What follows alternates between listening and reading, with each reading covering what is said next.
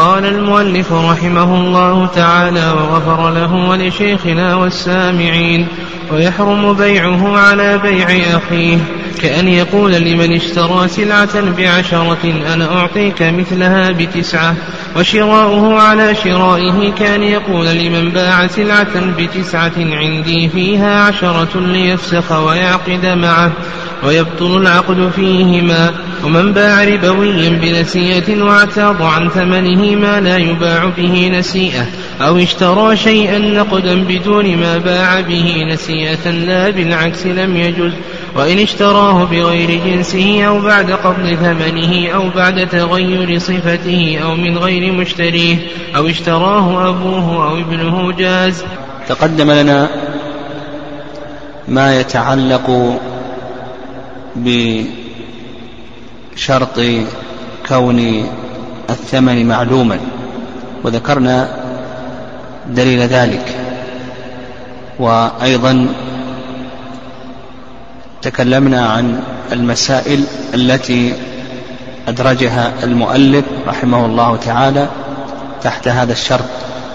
ثم بعد ذلك تكلمنا عن مسائل تفريق الصفقة وما المراد بها وكيف يقسط الثمن إذا جمع في عقد واحد بين ما يصح العقد عليه وبين ما لا يصح العقد عليه.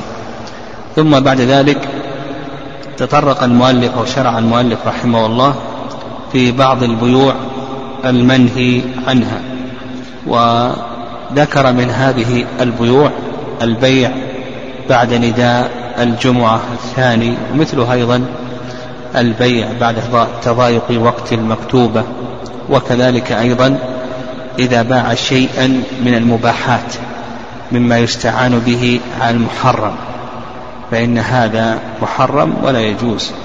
وكذلك أيضا ما يتقدم ببيع العبد المسلم للكافر ومتى يجوز ذلك ومتى لا يجوز. وكذلك أيضا ذكرنا حكم ما إذا جمع بين عقدين صفقة واحدة وأن هذا جائز ولا بأس به إلى آخره. ثم قال المؤلف رحمه الله في درس اليوم ويحرم بيعه على بيع أخيه كأن يقول لمن اشترى سلعة بعشرة أنا أعطيك مثلها بتسعة.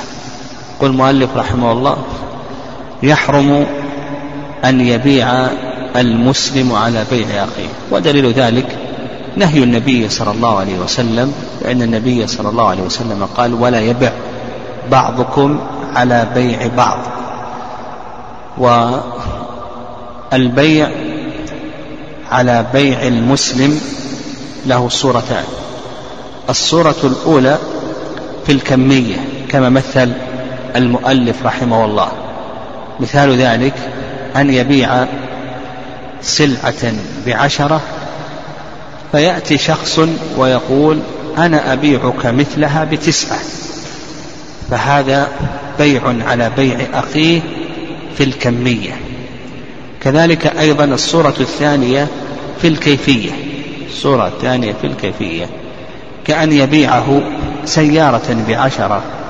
فيقول أنا أبيعك أحسن من هذه السيارة بعشرة.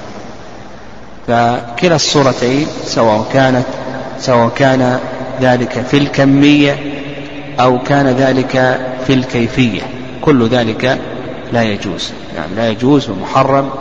والحكمة من ذلك ظاهرة وهي وهي أن البيع على بيع المسلم يوقع في إغار الصدور والبغضاء والتدابر والشحنة ونحو ذلك. فحرم ذلك. وقول المؤلف رحمه الله يحرم بيعه على بيع أخيه يفهم منه أنه لا لا بأس أن يبيع على بيع الكافر. فلو أن الكافر باع سلعة بعشرة فلك أن تبيع على بيعه سواء كان ذلك في الكمية أو في الكيفية تبيع على بيعه بتسعة أو تبيع أحسن منها. بعشرة إلى آخره. يؤخذ من كلام المؤلف لأنه قال ويحرم بيعه على بيع أخيه.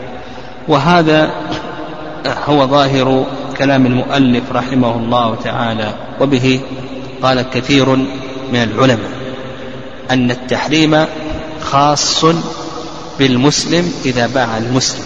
أما إذا باع على بيع الكافر فإن هذا جائز ولا بأس به.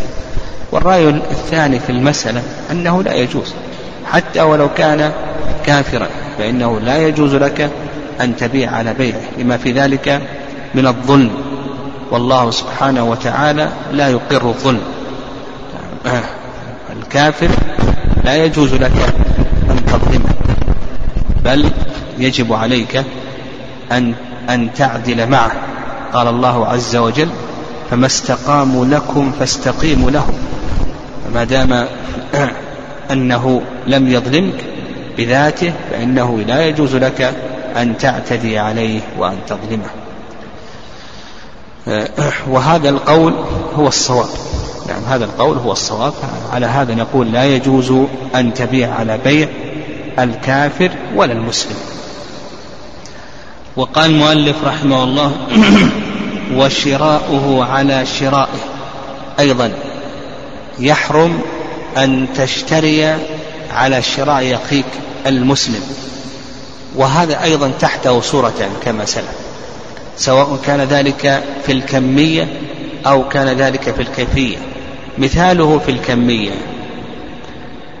أن يشتري السيارة بعشرة فيأتي شخص ويقول أنا أشتريها بأحد عشر. فنقول بأن هذا محرم ولا يجوز. أو في الكيفية كأن يشتري السيارة بعشرة بثمن مؤجل. فيأتي شخص ويقول أنا أشتريها بعشرة بثمن حال. فنقول بأن هذا محرم ولا يجوز. أو مثلا يشتري السيارة ببر متوسط. فيأتي شخص ويقول أنا أشتريها ببر جيد. يقول هذا هذا كله لا يجوز. فالشراء على الشراء أخيه سواء كان ذلك في الكمية أو في الكيفية كله لا يجوز. وأيضا الشراء على شراء كما سلف سواء كان مسلما أو كافرا فإنه لا يجوز لك أن تشتري على شرائه قال كأن يقول لمن باع سلعة بتسعة عندي فيها عشرة. قال ليفسخ ويعقد معه. يؤخذ من كلام المؤلف رحمه الله تعالى قوله ليفسخ ويعقد معه أنه إذا كانت هذه العلة هذه العلة فإنه لا يجوز. أما إذا كانت إذا لم تكن هذه العلة كأن يشتري على شرائه وهو لا يريد أن يفسخ. نعم لا يريد أن يفسخ وإنما يريد زيادة السلع. وقال لك عندنا الآن صورتان الصورة الأولى إذا كان يريد أن يفسخ ويعقد معه فإن هذا لا يجوز إذا كان يترتب عليه أن يفسخ ويعقد معه. مثال ذلك مثال ذلك اشترى السيارة بعشرة. فقال الثاني أنا أشتريها بأحد عشر. فيأتي البائع ويفسخ مع الأول ويعقد مع الثاني لأن الثاني سيبيعه بأحد عشر. فإذا كان كذلك فإن هذا لا يجوز. أما إذا كان لا يترتب عليه فسخ يعني نعلم أن المشتري أن البائع لن يفسخ البيع مع المشتري. الأول. فظاهر كلام المؤلف رحمه الله تعالى أن هذا جائز ولا بأس به. فمثلا اشترى السيارة بعشرة فجاء شخص وقال أنا أشتري بأحد عشر وهو لا يريد أن يفسخ وإنما يريد لا يريد أن يفسخ وإنما يريد سلعة أخرى. يعني سلعة أخرى. لا يريد أن يفسخ معه في نفس هذه السلعة وإنما يريد سلعة أخرى. فإذا كان لا لا يريد أن يفسخ ويعقد معه فظاهر كلام المؤلف أو يفهم من كلام المؤلف رحمه الله أن هذا جائز ولا بأس به. لأن العلة انتفت وهي أنه إذا فسخ البائع مع الأول وعقد مع الثاني ترتب على ذلك ما يتعلق بإيقاد الصدور والشحنة والبغضة إلى آخره أما إذا علمنا أن الثاني لن يفسخ أن أن البائع لن يفسخ مع الأول وإنما سيعقد مع الثاني والأول لن يفسخ معه. فكلام المؤلف رحمه الله بأن هذا جائز ولا بأس به. ولكن مع ذلك نقول إذا كان سيترتب عليه ما يترتب على حكمة النهي من الشراء على شراء أخيه والبيع على بيعه من إيقاد الصدور فنقول الأحوط في ذلك أن يتركه المسلم. قال ويبطل العقد فيهما نعم يبطل العقد في البيع على بيعه والشراء على شرائه. فمثلا في هذه الصورة لو أنه باع السيارة بعشرة ثم جاء شخص وقال أنا أشتريها بأحد عشر. السيارة باعها بعشرة وقال شخص أنا أشتريها بأحد عشر. ففسق. البائع مع الأول وعقد مع الثاني بأحد عشر. فنقول العقد الثاني باطل ولا يجوز لأن النهي يقتضي الفساد. ولهذا قال لك المؤلف رحمه الله ويبطل العقد فيهما. يعني يبطل العقد في البيع على بيعه وفي الشراء على شرائه. فإذا فسخ العاقد مع العاقد الأول وعقد مع الثاني فنقول بأن هذا العقد باطل لأن النهي يعني لأن النهي يقتضي الفساد. المؤلف رحمه الله تعالى ومن باع ربويا نسيئة إلى آخره. قبل ذلك وتكلم وذكر المؤلف رحمه الله ما يتعلق بالبيع على بيع أخيه وبالشراء على شرائه. بقي أيضا مسألة ثالثة وهي السوم على سومه. هل هذا جائز أو ليس جائزا؟ نقول السوم على سومه ينقسم إلى قسمين. القسم الأول أن يكون ذلك في بيوع المزايدة والقسم الأول أن يكون ذلك في بيوع المزايدة. فنقول بأن هذا جائز ولا بأس به ويدل لذلك أن النبي صلى الله عليه وسلم باع في من يزيد. يعني باع في من يزيد. وعلى هذا جرى عمل المسلمين فالسلع تعرض ثم بعد ذلك يسوم الناس هذه السلع ويتزايدون فيها. فنقول بأن هذا جائز ولا بأس به. وقد ذكر شيخ الإسلام تيمية رحمه الله أنه لو قيل في بيوع المزايدة أنه ليس لأحدهما أن يفسخ لما يترتب عليه من الضرر لكان ذلك متوجها.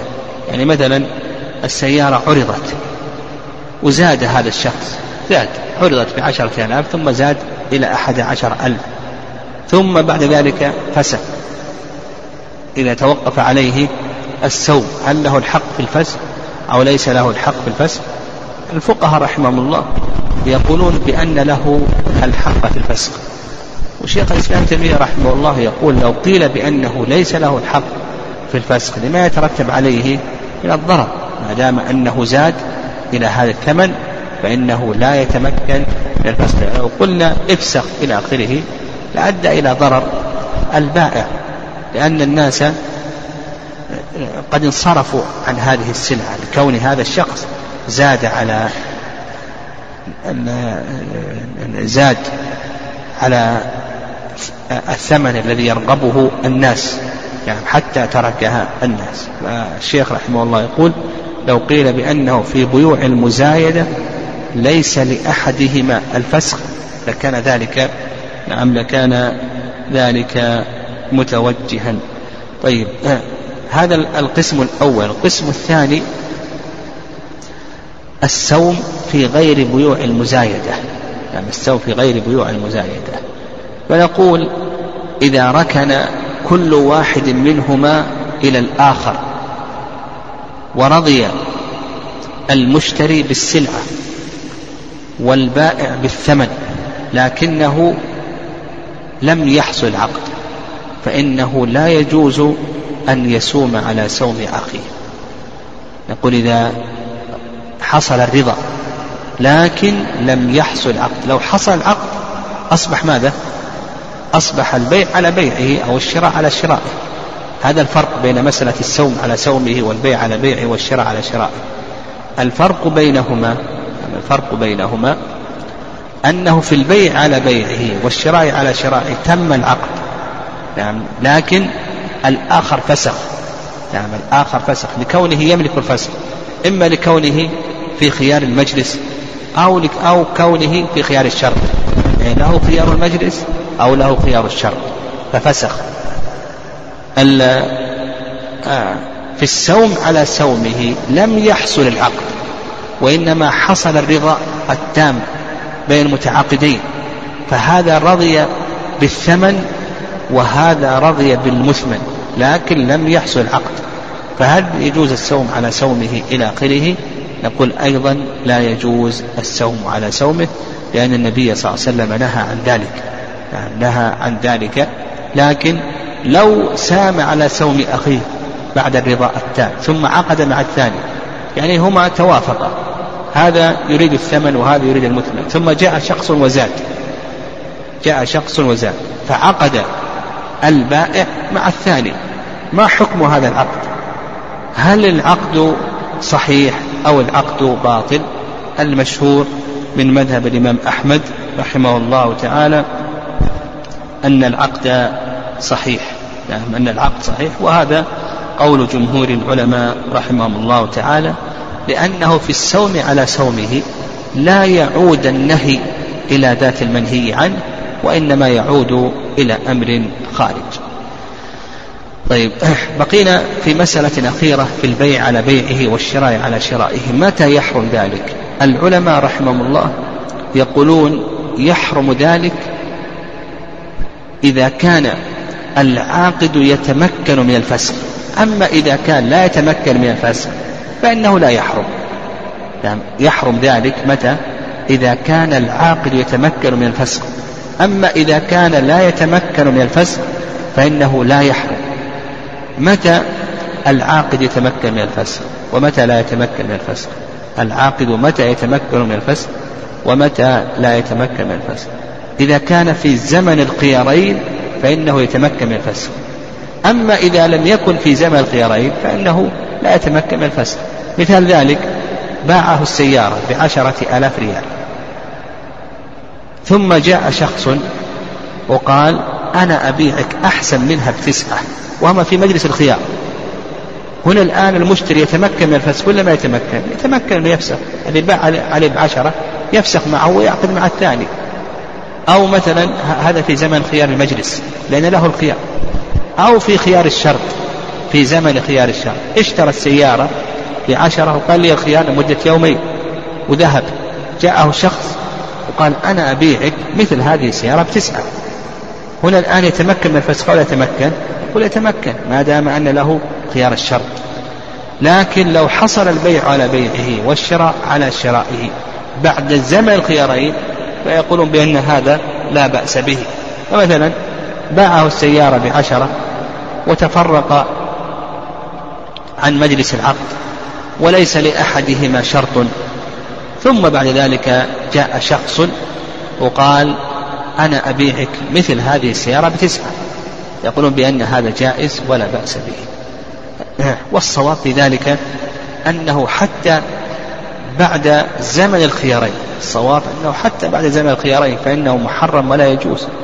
لأن هذا العاقد نعم هذا العاقد إذا اشترى بعشرة المشتري إذا اشترى بعشرة وجاء شخص وقال أنا أبيعك بتسعة فإن هذا العاقد سيسلك أي طريق لفسخ هذا العقد. سيدعي الغبن سيدعي العيب إلى آخره مع أنه سيقع في قلبه أيضا آه، آه، ما نهى عنه أو حكمة النهي عن مثل هذه العقود. سيترتب على ذلك من إغال الصدور والتباغض والتدابر ونحو ذلك فالصواب في ذلك أنه حتى بعد مجلس أو بعد لزوم العقد بعد ذهاب زمن الخيارين أنه لا يجوز له أن يشتري على شرائه ولا أن يعقد على عقد قال رحمه الله ومن باع ربويا بنسيئة واعتاض عن ثمنه ما لا يباع به نسيئة. نعم ربوي. هذا مصطلح. نعم مصطلح عند الفقهاء. يقولون ربوي. باع ربويا أو اشترى ربويا أو أوصى بربوي ونحو ذلك. فما المراد بالربوي؟ إذا قالوا ربويا. المراد بالربوي المكيل والموزون المشهور من المذهب. يعني إذا قالوا ربويا فالمراد بالربويات هي المكيلات والموزونات. وهذا سيأتينا إن شاء الله. يعني سيأتي إن شاء الله تحريره في باب الربا. فإذا قالوا ربويا إلى آخره فالمقصود بذلك هو المكيل والموزون. فقال لك من باع ربويا يعني باع مكيلا أو موزونا نسيئة يعني بثمن مؤجل واعتاض عن ثمنه ما لا يباع به نسيئة يقول لك لا يجوز. والصورة المسألة. صورة المسألة هذا رجل باع برا. باع بر بألف ريال. ولنفرض أنه باع مئة صاع بر بألف ريال. الألف ريال هذه مؤجلة لمدة سنة. باع ربويا بنسيئة ثمن مؤجل. بعد أن مضت السنة جاء له قال أعطني الألف. قال ما عندي ألف. الألف هذه ما عندي ألف. لكن بعطيك بدلا من هذه الألف شعير اعتاض عن ثمنه ما لا يباع به نسيئة. عندما تبادل بر بشعير وش اشترط؟ ها؟ التقابض. عندما تبادل برا بشعير يشترط التقابض. وكما سيأتينا إن شاء الله عند مبادلة ربوي بربوي آخر يتفق معه في العلة ويختلف معه في الجنس فإنه يشترط ماذا؟ أن يكون يدا بيد. فعندما تبادل ربوي بربوي آخر يتفق معه في العلة. شعير بر الشعير ربوي. والبر ربوي يتفقان في العلة. والعلة في البر والشعير واحدة. على المذهب العلة هي الكيل. فإنه لا بد أن يكون يدا بيد بقول النبي صلى الله عليه وسلم فإذا اختلفت هذه الأصناف فبيعوا كيف شئتم إذا كان يدا بيد. هنا الآن باعه بر بألف ريال بعد سنة. لما مضت السنة قال أعطني برة أعطني الألف. قال ما عندي ألف لكن بعطيك بقيمة الألف شعير. يجوز أو لا يجوز؟ قال لك المؤلف لا يجوز. لأن لماذا؟ لأن الصورة كأنه باعه بر بشعير مؤجل. كأنه باعه برا بشعير مؤجل فيقع في الربا. لأنه اعتاض بدل الألف ماذا؟ اعتاض بدل الألف شعير. وعندما تبادل برا بشعير فإنه يشترط أن يكون يدا بيد. هنا الآن ما حصل يدا بيد فيقول لك لا يجوز. يعني إذا باع ربويا بنسيئة واعتاض عن ثمنه عن ثمن هذا الربوي ما لا يباع به نسيئة؟ يقول لك المؤلف رحمه الله بأنه هذا بأن هذا لا يجوز والعلة كما ذلك أن هذه الصورة هي صورة ربا فكأنه بادله برا بشعير دون التقابض وهذا ما ذهب إليه المؤلف رحمه الله تعالى. والرأي الثاني رأي ابن قدامة رحمه الله أن هذا جائز لأن التحيل على الربا مثل هذه الصورة بعيد. اللهم إلا إذا قصد بذلك الحيل على الربا وهذا بعيد. يعني هذا بعيد.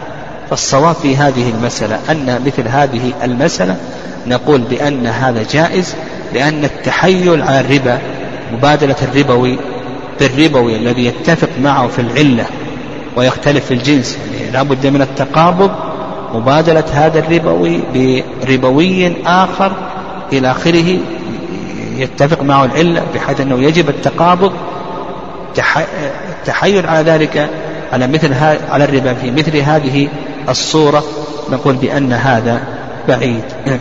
قال المؤلف رحمه الله أو اشترى شيئا نقدا بدون ما باع به نسيئة لا بالعكس لم يجز. نعم، لم يجز.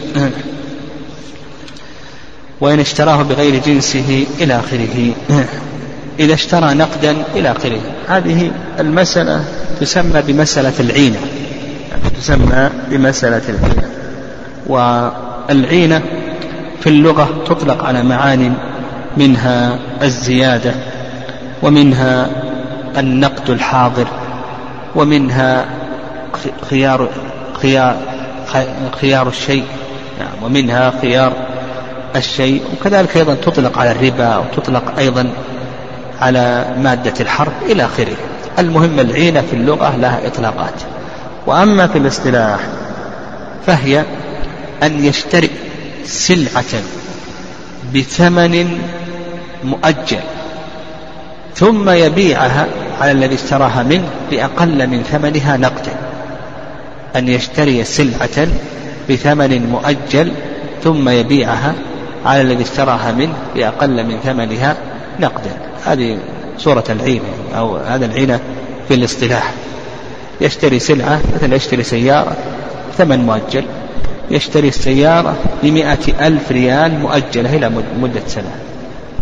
ثم بعد ذلك يأخذ هذه السيارة ويبيعها على الذي اشتراها منه بثمانين ألف. فيأخذ منه ثمانين ألف وترجع له السيارة. ثمانين بمئة. فأصبح الآن ماذا؟ دراهم بدراهم مؤجلة. يعني دراهم أخذ منه ثمانين بمئة بمئة ألف مؤجلة. يعني ثمانين بمائة ألف مؤجلة. دخلت بينهما هذه السيارة.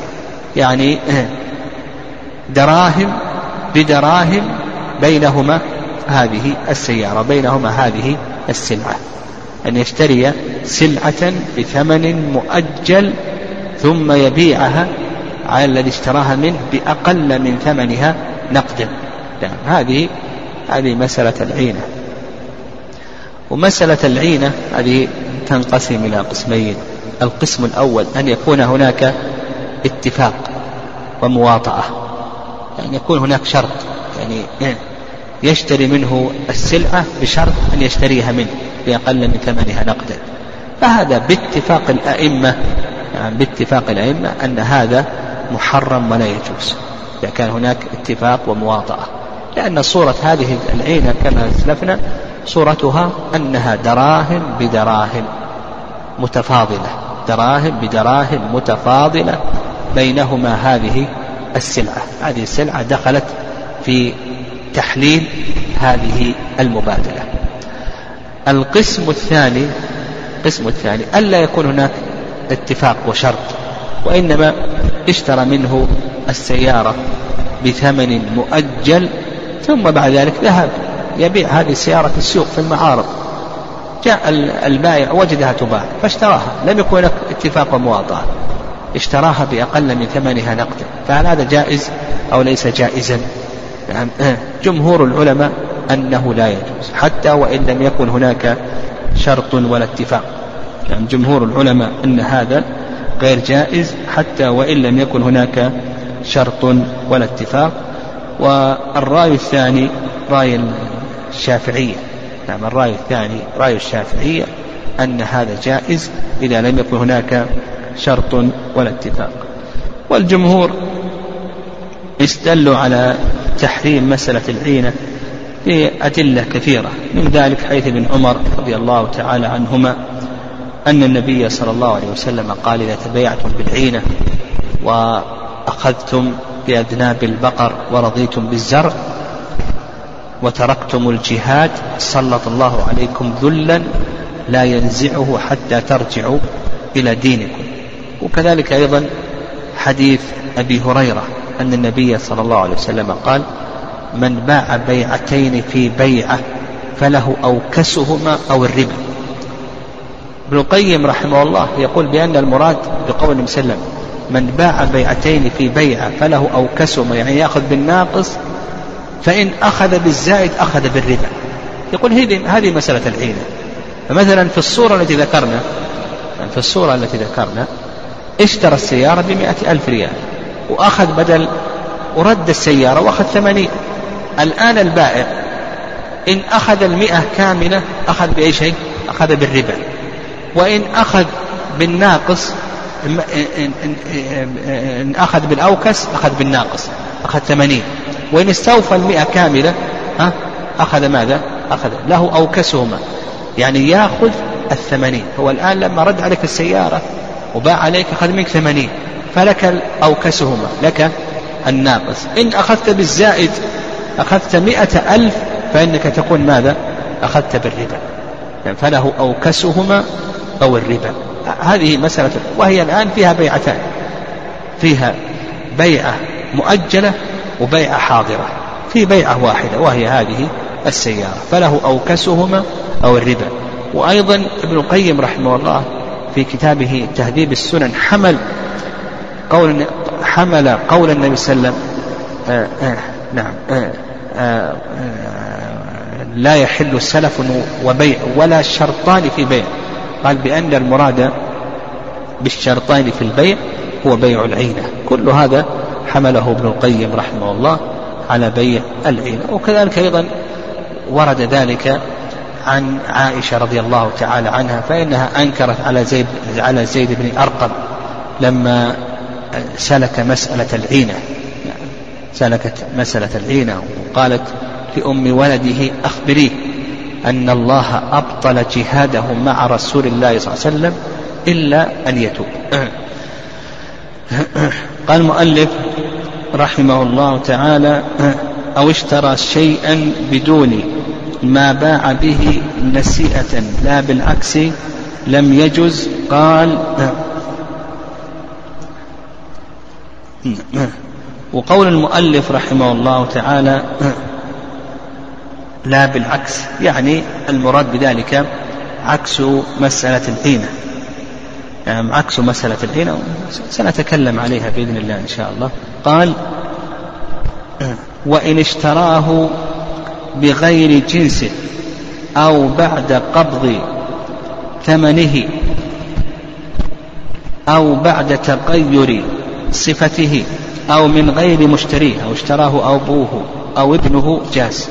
هذه كلها محترزات في مسألة العينة قال إذا اشتراه بغير جنسه يعني اشترى السلعة بثمن غير غير جنس الثمن الذي باع به. ولنفرض أن هذا الرجل باع السيارة بمئة ألف ريال نسيئة. ثم جاء المشتري وباعها على البائع الأول واشتراها بالدولار أو بالدينارات الكويتية. اشتراها بالدينارات الكويتية. هو باعها الآن بمئة ألف ريال سعودي. مؤجلة. أخذ السيارة المشتري وباعها على بائعها الأول بثمن غير جنس الثمن الذي حصل به العقد الأول. فباع عليه دينارات كويتية. مئة ألف باع عليه ولنفرض أنها أنه باع عليه بثمان ثمانية آلاف دينار كويتي. فيقول لك المؤلف رحمه الله بأن هذا جائز ولا بأس به ولو كان هذا الجنس أقل في الصرف.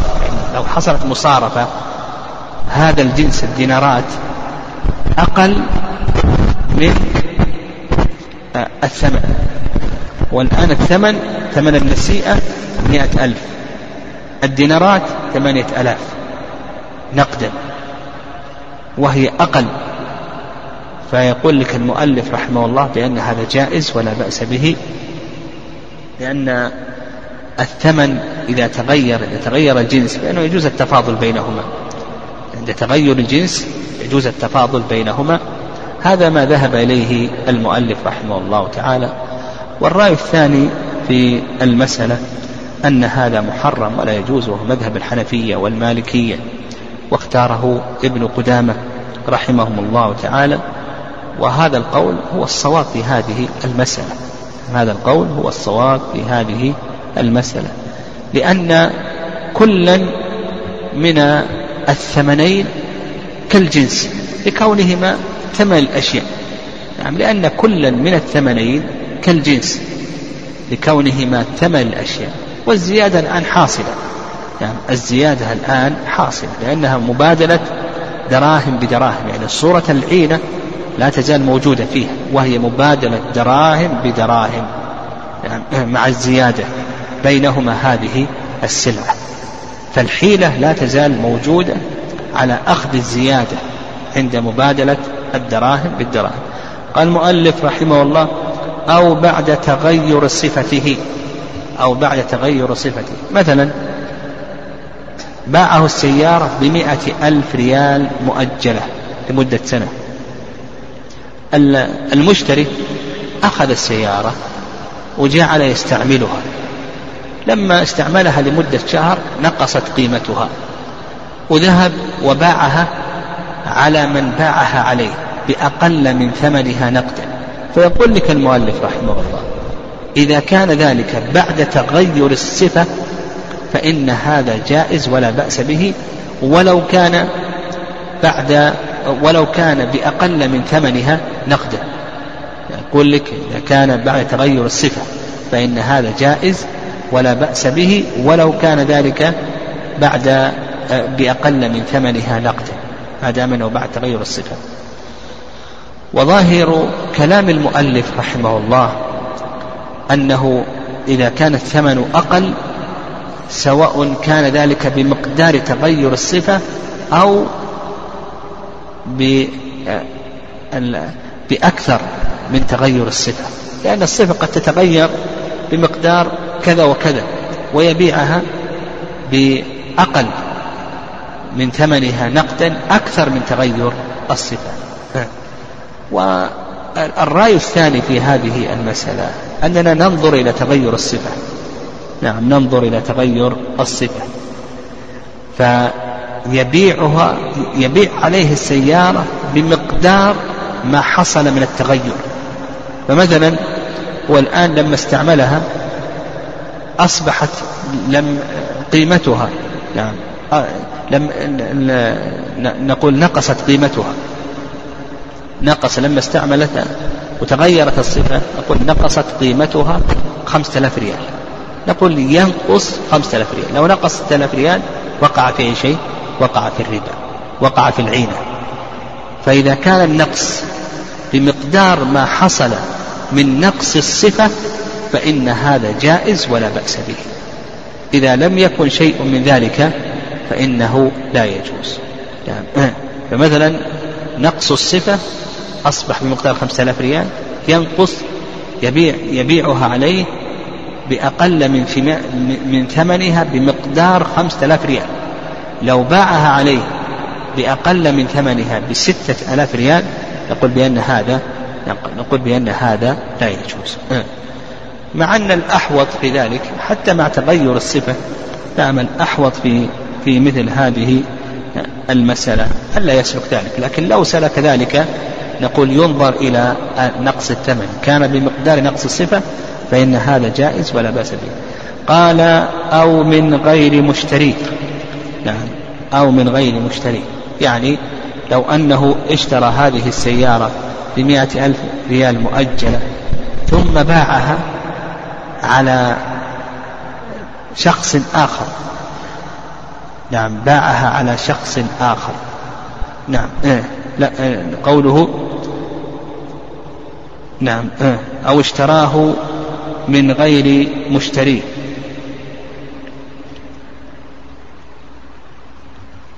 يعني صورة المسألة.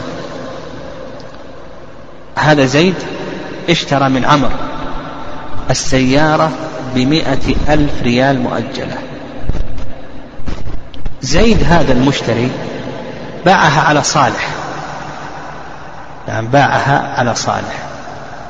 فجاء عمر البائع الأول واشتراها لم يشترها لم يشترها من زيد وإنما اشتراها من صالح بأقل من ثمنها نقدا.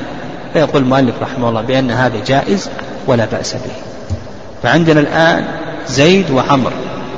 زيد باع على عمرو عمرو باع على صالح. زيد الذي باع على عمر ما اشتراها من عمر. لو اشتراها من عمر وقع في العينة لكنه اشتراها منين؟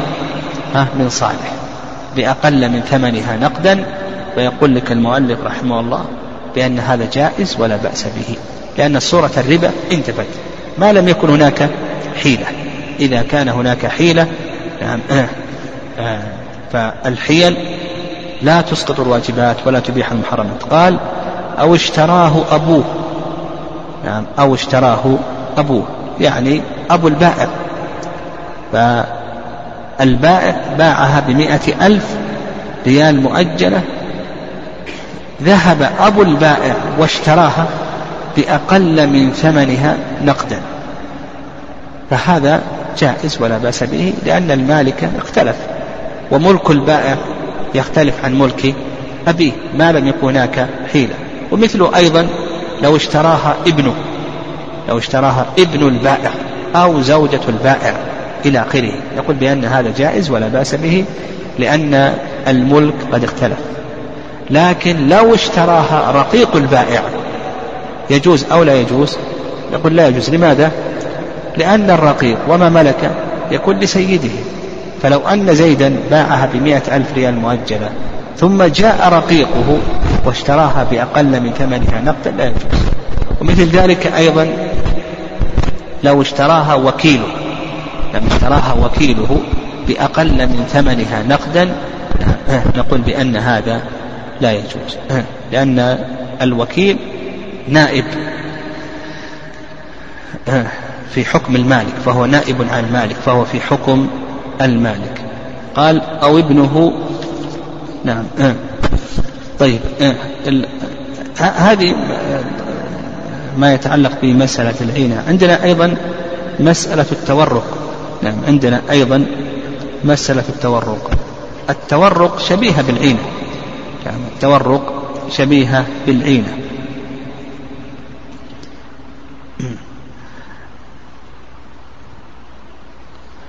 والتورق في اللغة مأخوذة من الورق. يعني التورق في اللغة مأخوذة من الورق. والورق في اللغة يطلق على معان منها المال بجميع أنواعه. يعني المال بجميع أنواعه يسمى ورقا. كذلك أيضا الفضة يسمى بالورق. كذلك أيضا ورق الشجر. وكذلك أيضا آه، حسن القوم وجماله. وأما في الاصطلاح فهو أن يشتري سلعة بثمن مؤجل. يعني أن يشتري سلعة بثمن مؤجل ثم يبيعها على غير بائعها بأقل من ثمنها نقدا. وإنما يفعل ذلك لكي يتوسع بالثمن أن يشتري سلعة بثمن مؤجل. يعني مثلا اشترى هذه السيارة بثمن مؤجل ثم يأخذ هذه السيارة ويبيعها على غير بائعها بأقل من ثمنها نقدا. هذه التورق. والتورق موضع خلاف بين العلماء رحمهم الله تعالى. نعم هل هي جائزة أو ليست جائزة؟ للعلماء رحمهم الله تعالى في ذلك ثلاث آراء. الرأي الأول وهو قول جمهور أهل العلم مذهب الحنابلة والحنفية والمالكية. يعني يقولون بأنها جائزة مع أن الحنفية والمالكية ينصون على أنها مكروهة. نعم ينصون على أنها مكروهة. نعم. واستدلوا على ذلك قالوا بأن الأصل في البيع الحل. والله عز وجل يقول وأحل الله البيع وحرم الربا. حل الله البيع وحرم الربا. فهو الآن اشترى سيارة بغرض صحيح وباعها على غير بائعها. أيضا بغرض صحيح. اختلف البائع على شبهة الربا انتفت. فهو الآن لم يبعها على بائعه حتى تكون هناك مبادلة دراهم بدراهم بينهما هذه السلعة. هذا ما ذهب إليه جمهور أهل العلم يقولون بأن صورة الربا انتفت والأصل في ذلك الحل والدليل على ذلك كما تقدم هو القرآن. الرأي الثاني يعني الرأي الثاني أن هذه المعاملة محرمة. وهذا رواية عن الإمام أحمد رحمه الله تعالى. وهذه الرواية اختارها شيخ الإسلام تيمية رحمه الله. وكذلك أيضا الشيخ محمد بن عبد الوهاب وعمر بن عبد العزيز.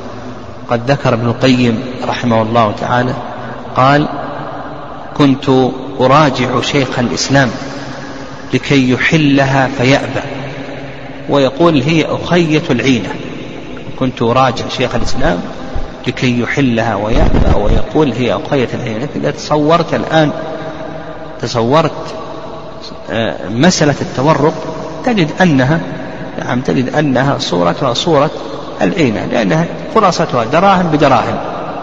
أخذ السيارة وباعها عليها الآن مئة ألف وأخذ ثمانين ألف أو أخذ سبعين ألف.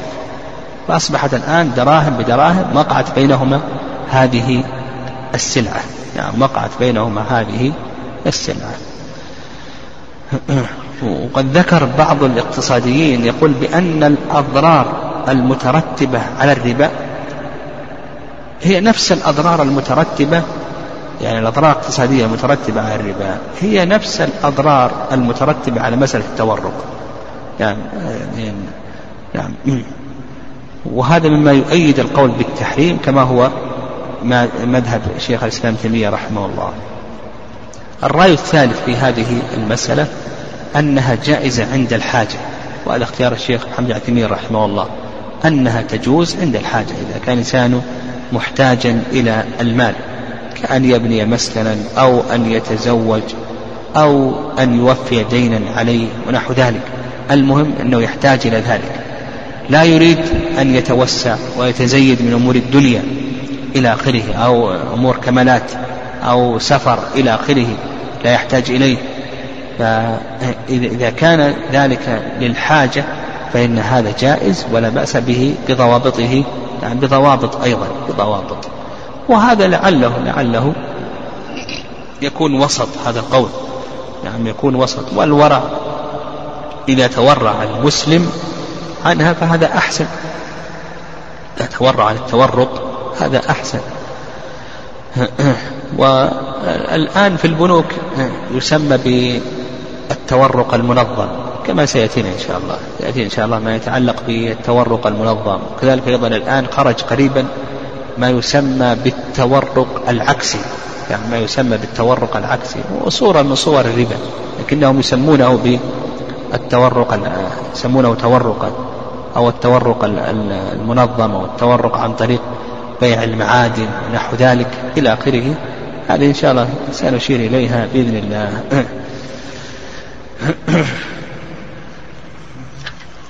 نعم. بقي مسألتان تتعلقان قبل أن ننتقل إلى باب الشروط في البيع. المسألة الأولى ما يتعلق بالتسعير والمسألة الثانية ما يتعلق بالاحتكار. يعني التسعير هل هو جائز؟ هل التسعير جائز أو ليس جائزا إلى آخره؟ يعني هل هو جائز؟ أو أنه ليس بجائز. روى مسلم في صحيحه من حديث أنس أن السعر قال في عهد رسول الله صلى الله عليه وسلم فقالوا يا رسول الله لو سعرت لنا. يعني قال السعر في عهد الرسول صلى الله عليه وسلم فقالوا يا رسول الله لو سعرت لنا فقال إن الله هو القابض الباسط الرازق المسعر. وإني لأرجو أن ألقى الله ولا يطلبني أحد بمظلمة في دم ولا مال.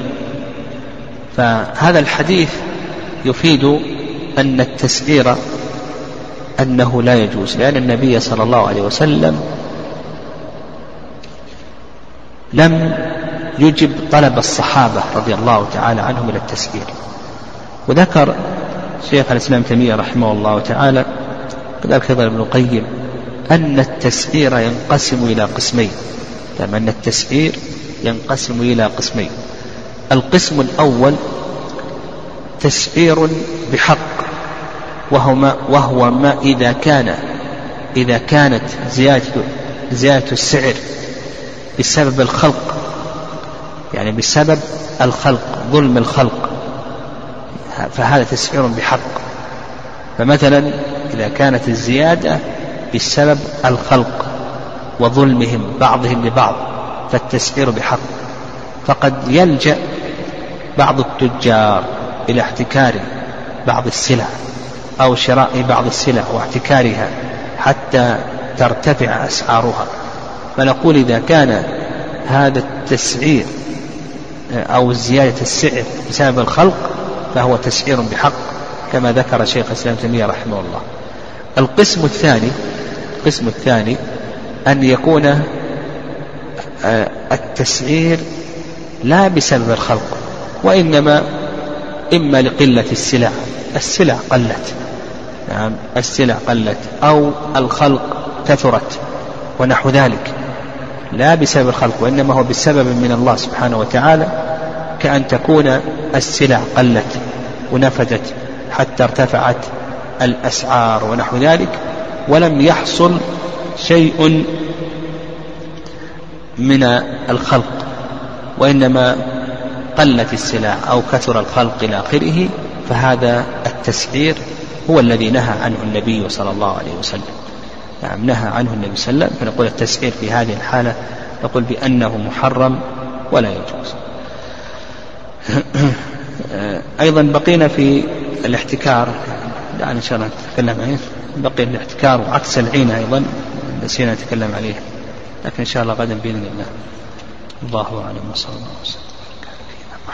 هذا يقول أريد أن نفتح محلا ويكون ويكون فيه مقهى الإنترنت وأنا متردد. فهل هذا جائز؟ الذي يظهر والله أعلم أن مثل هذه المقاهي محرمة لأن هذه المقاهي تشتمل على محرمات يعني تشتمل على محرمات فهي سبب للاجتماع على المحرم. فهي وسيلة إلى محادثات المحرمة واطلاع على صور عن طريق الإنترنت محرمة وغير ذلك مفاسدها كثيرة. وأنا أنصح الأخ السائل يعني يسأل عن طريق الشبكة أسأله أن يقرأ حول هذه هذا الموضوع. في خطب يعني كتب كثير من أهل العلم حول هذا بعض الخطب حول مثل هذه المقاهي وما تشتمل عليه من محرمات. وإذا كانت تجتمع على محرمات فإنه ما لا يجوز لك أن تؤجرهم. لهذه المنافع. هذه المنافع المحرمة لا يجوز لك الله عز وجل يقول وتعاون على البر والتقوى ولا تعاون على الإثم والعدوان.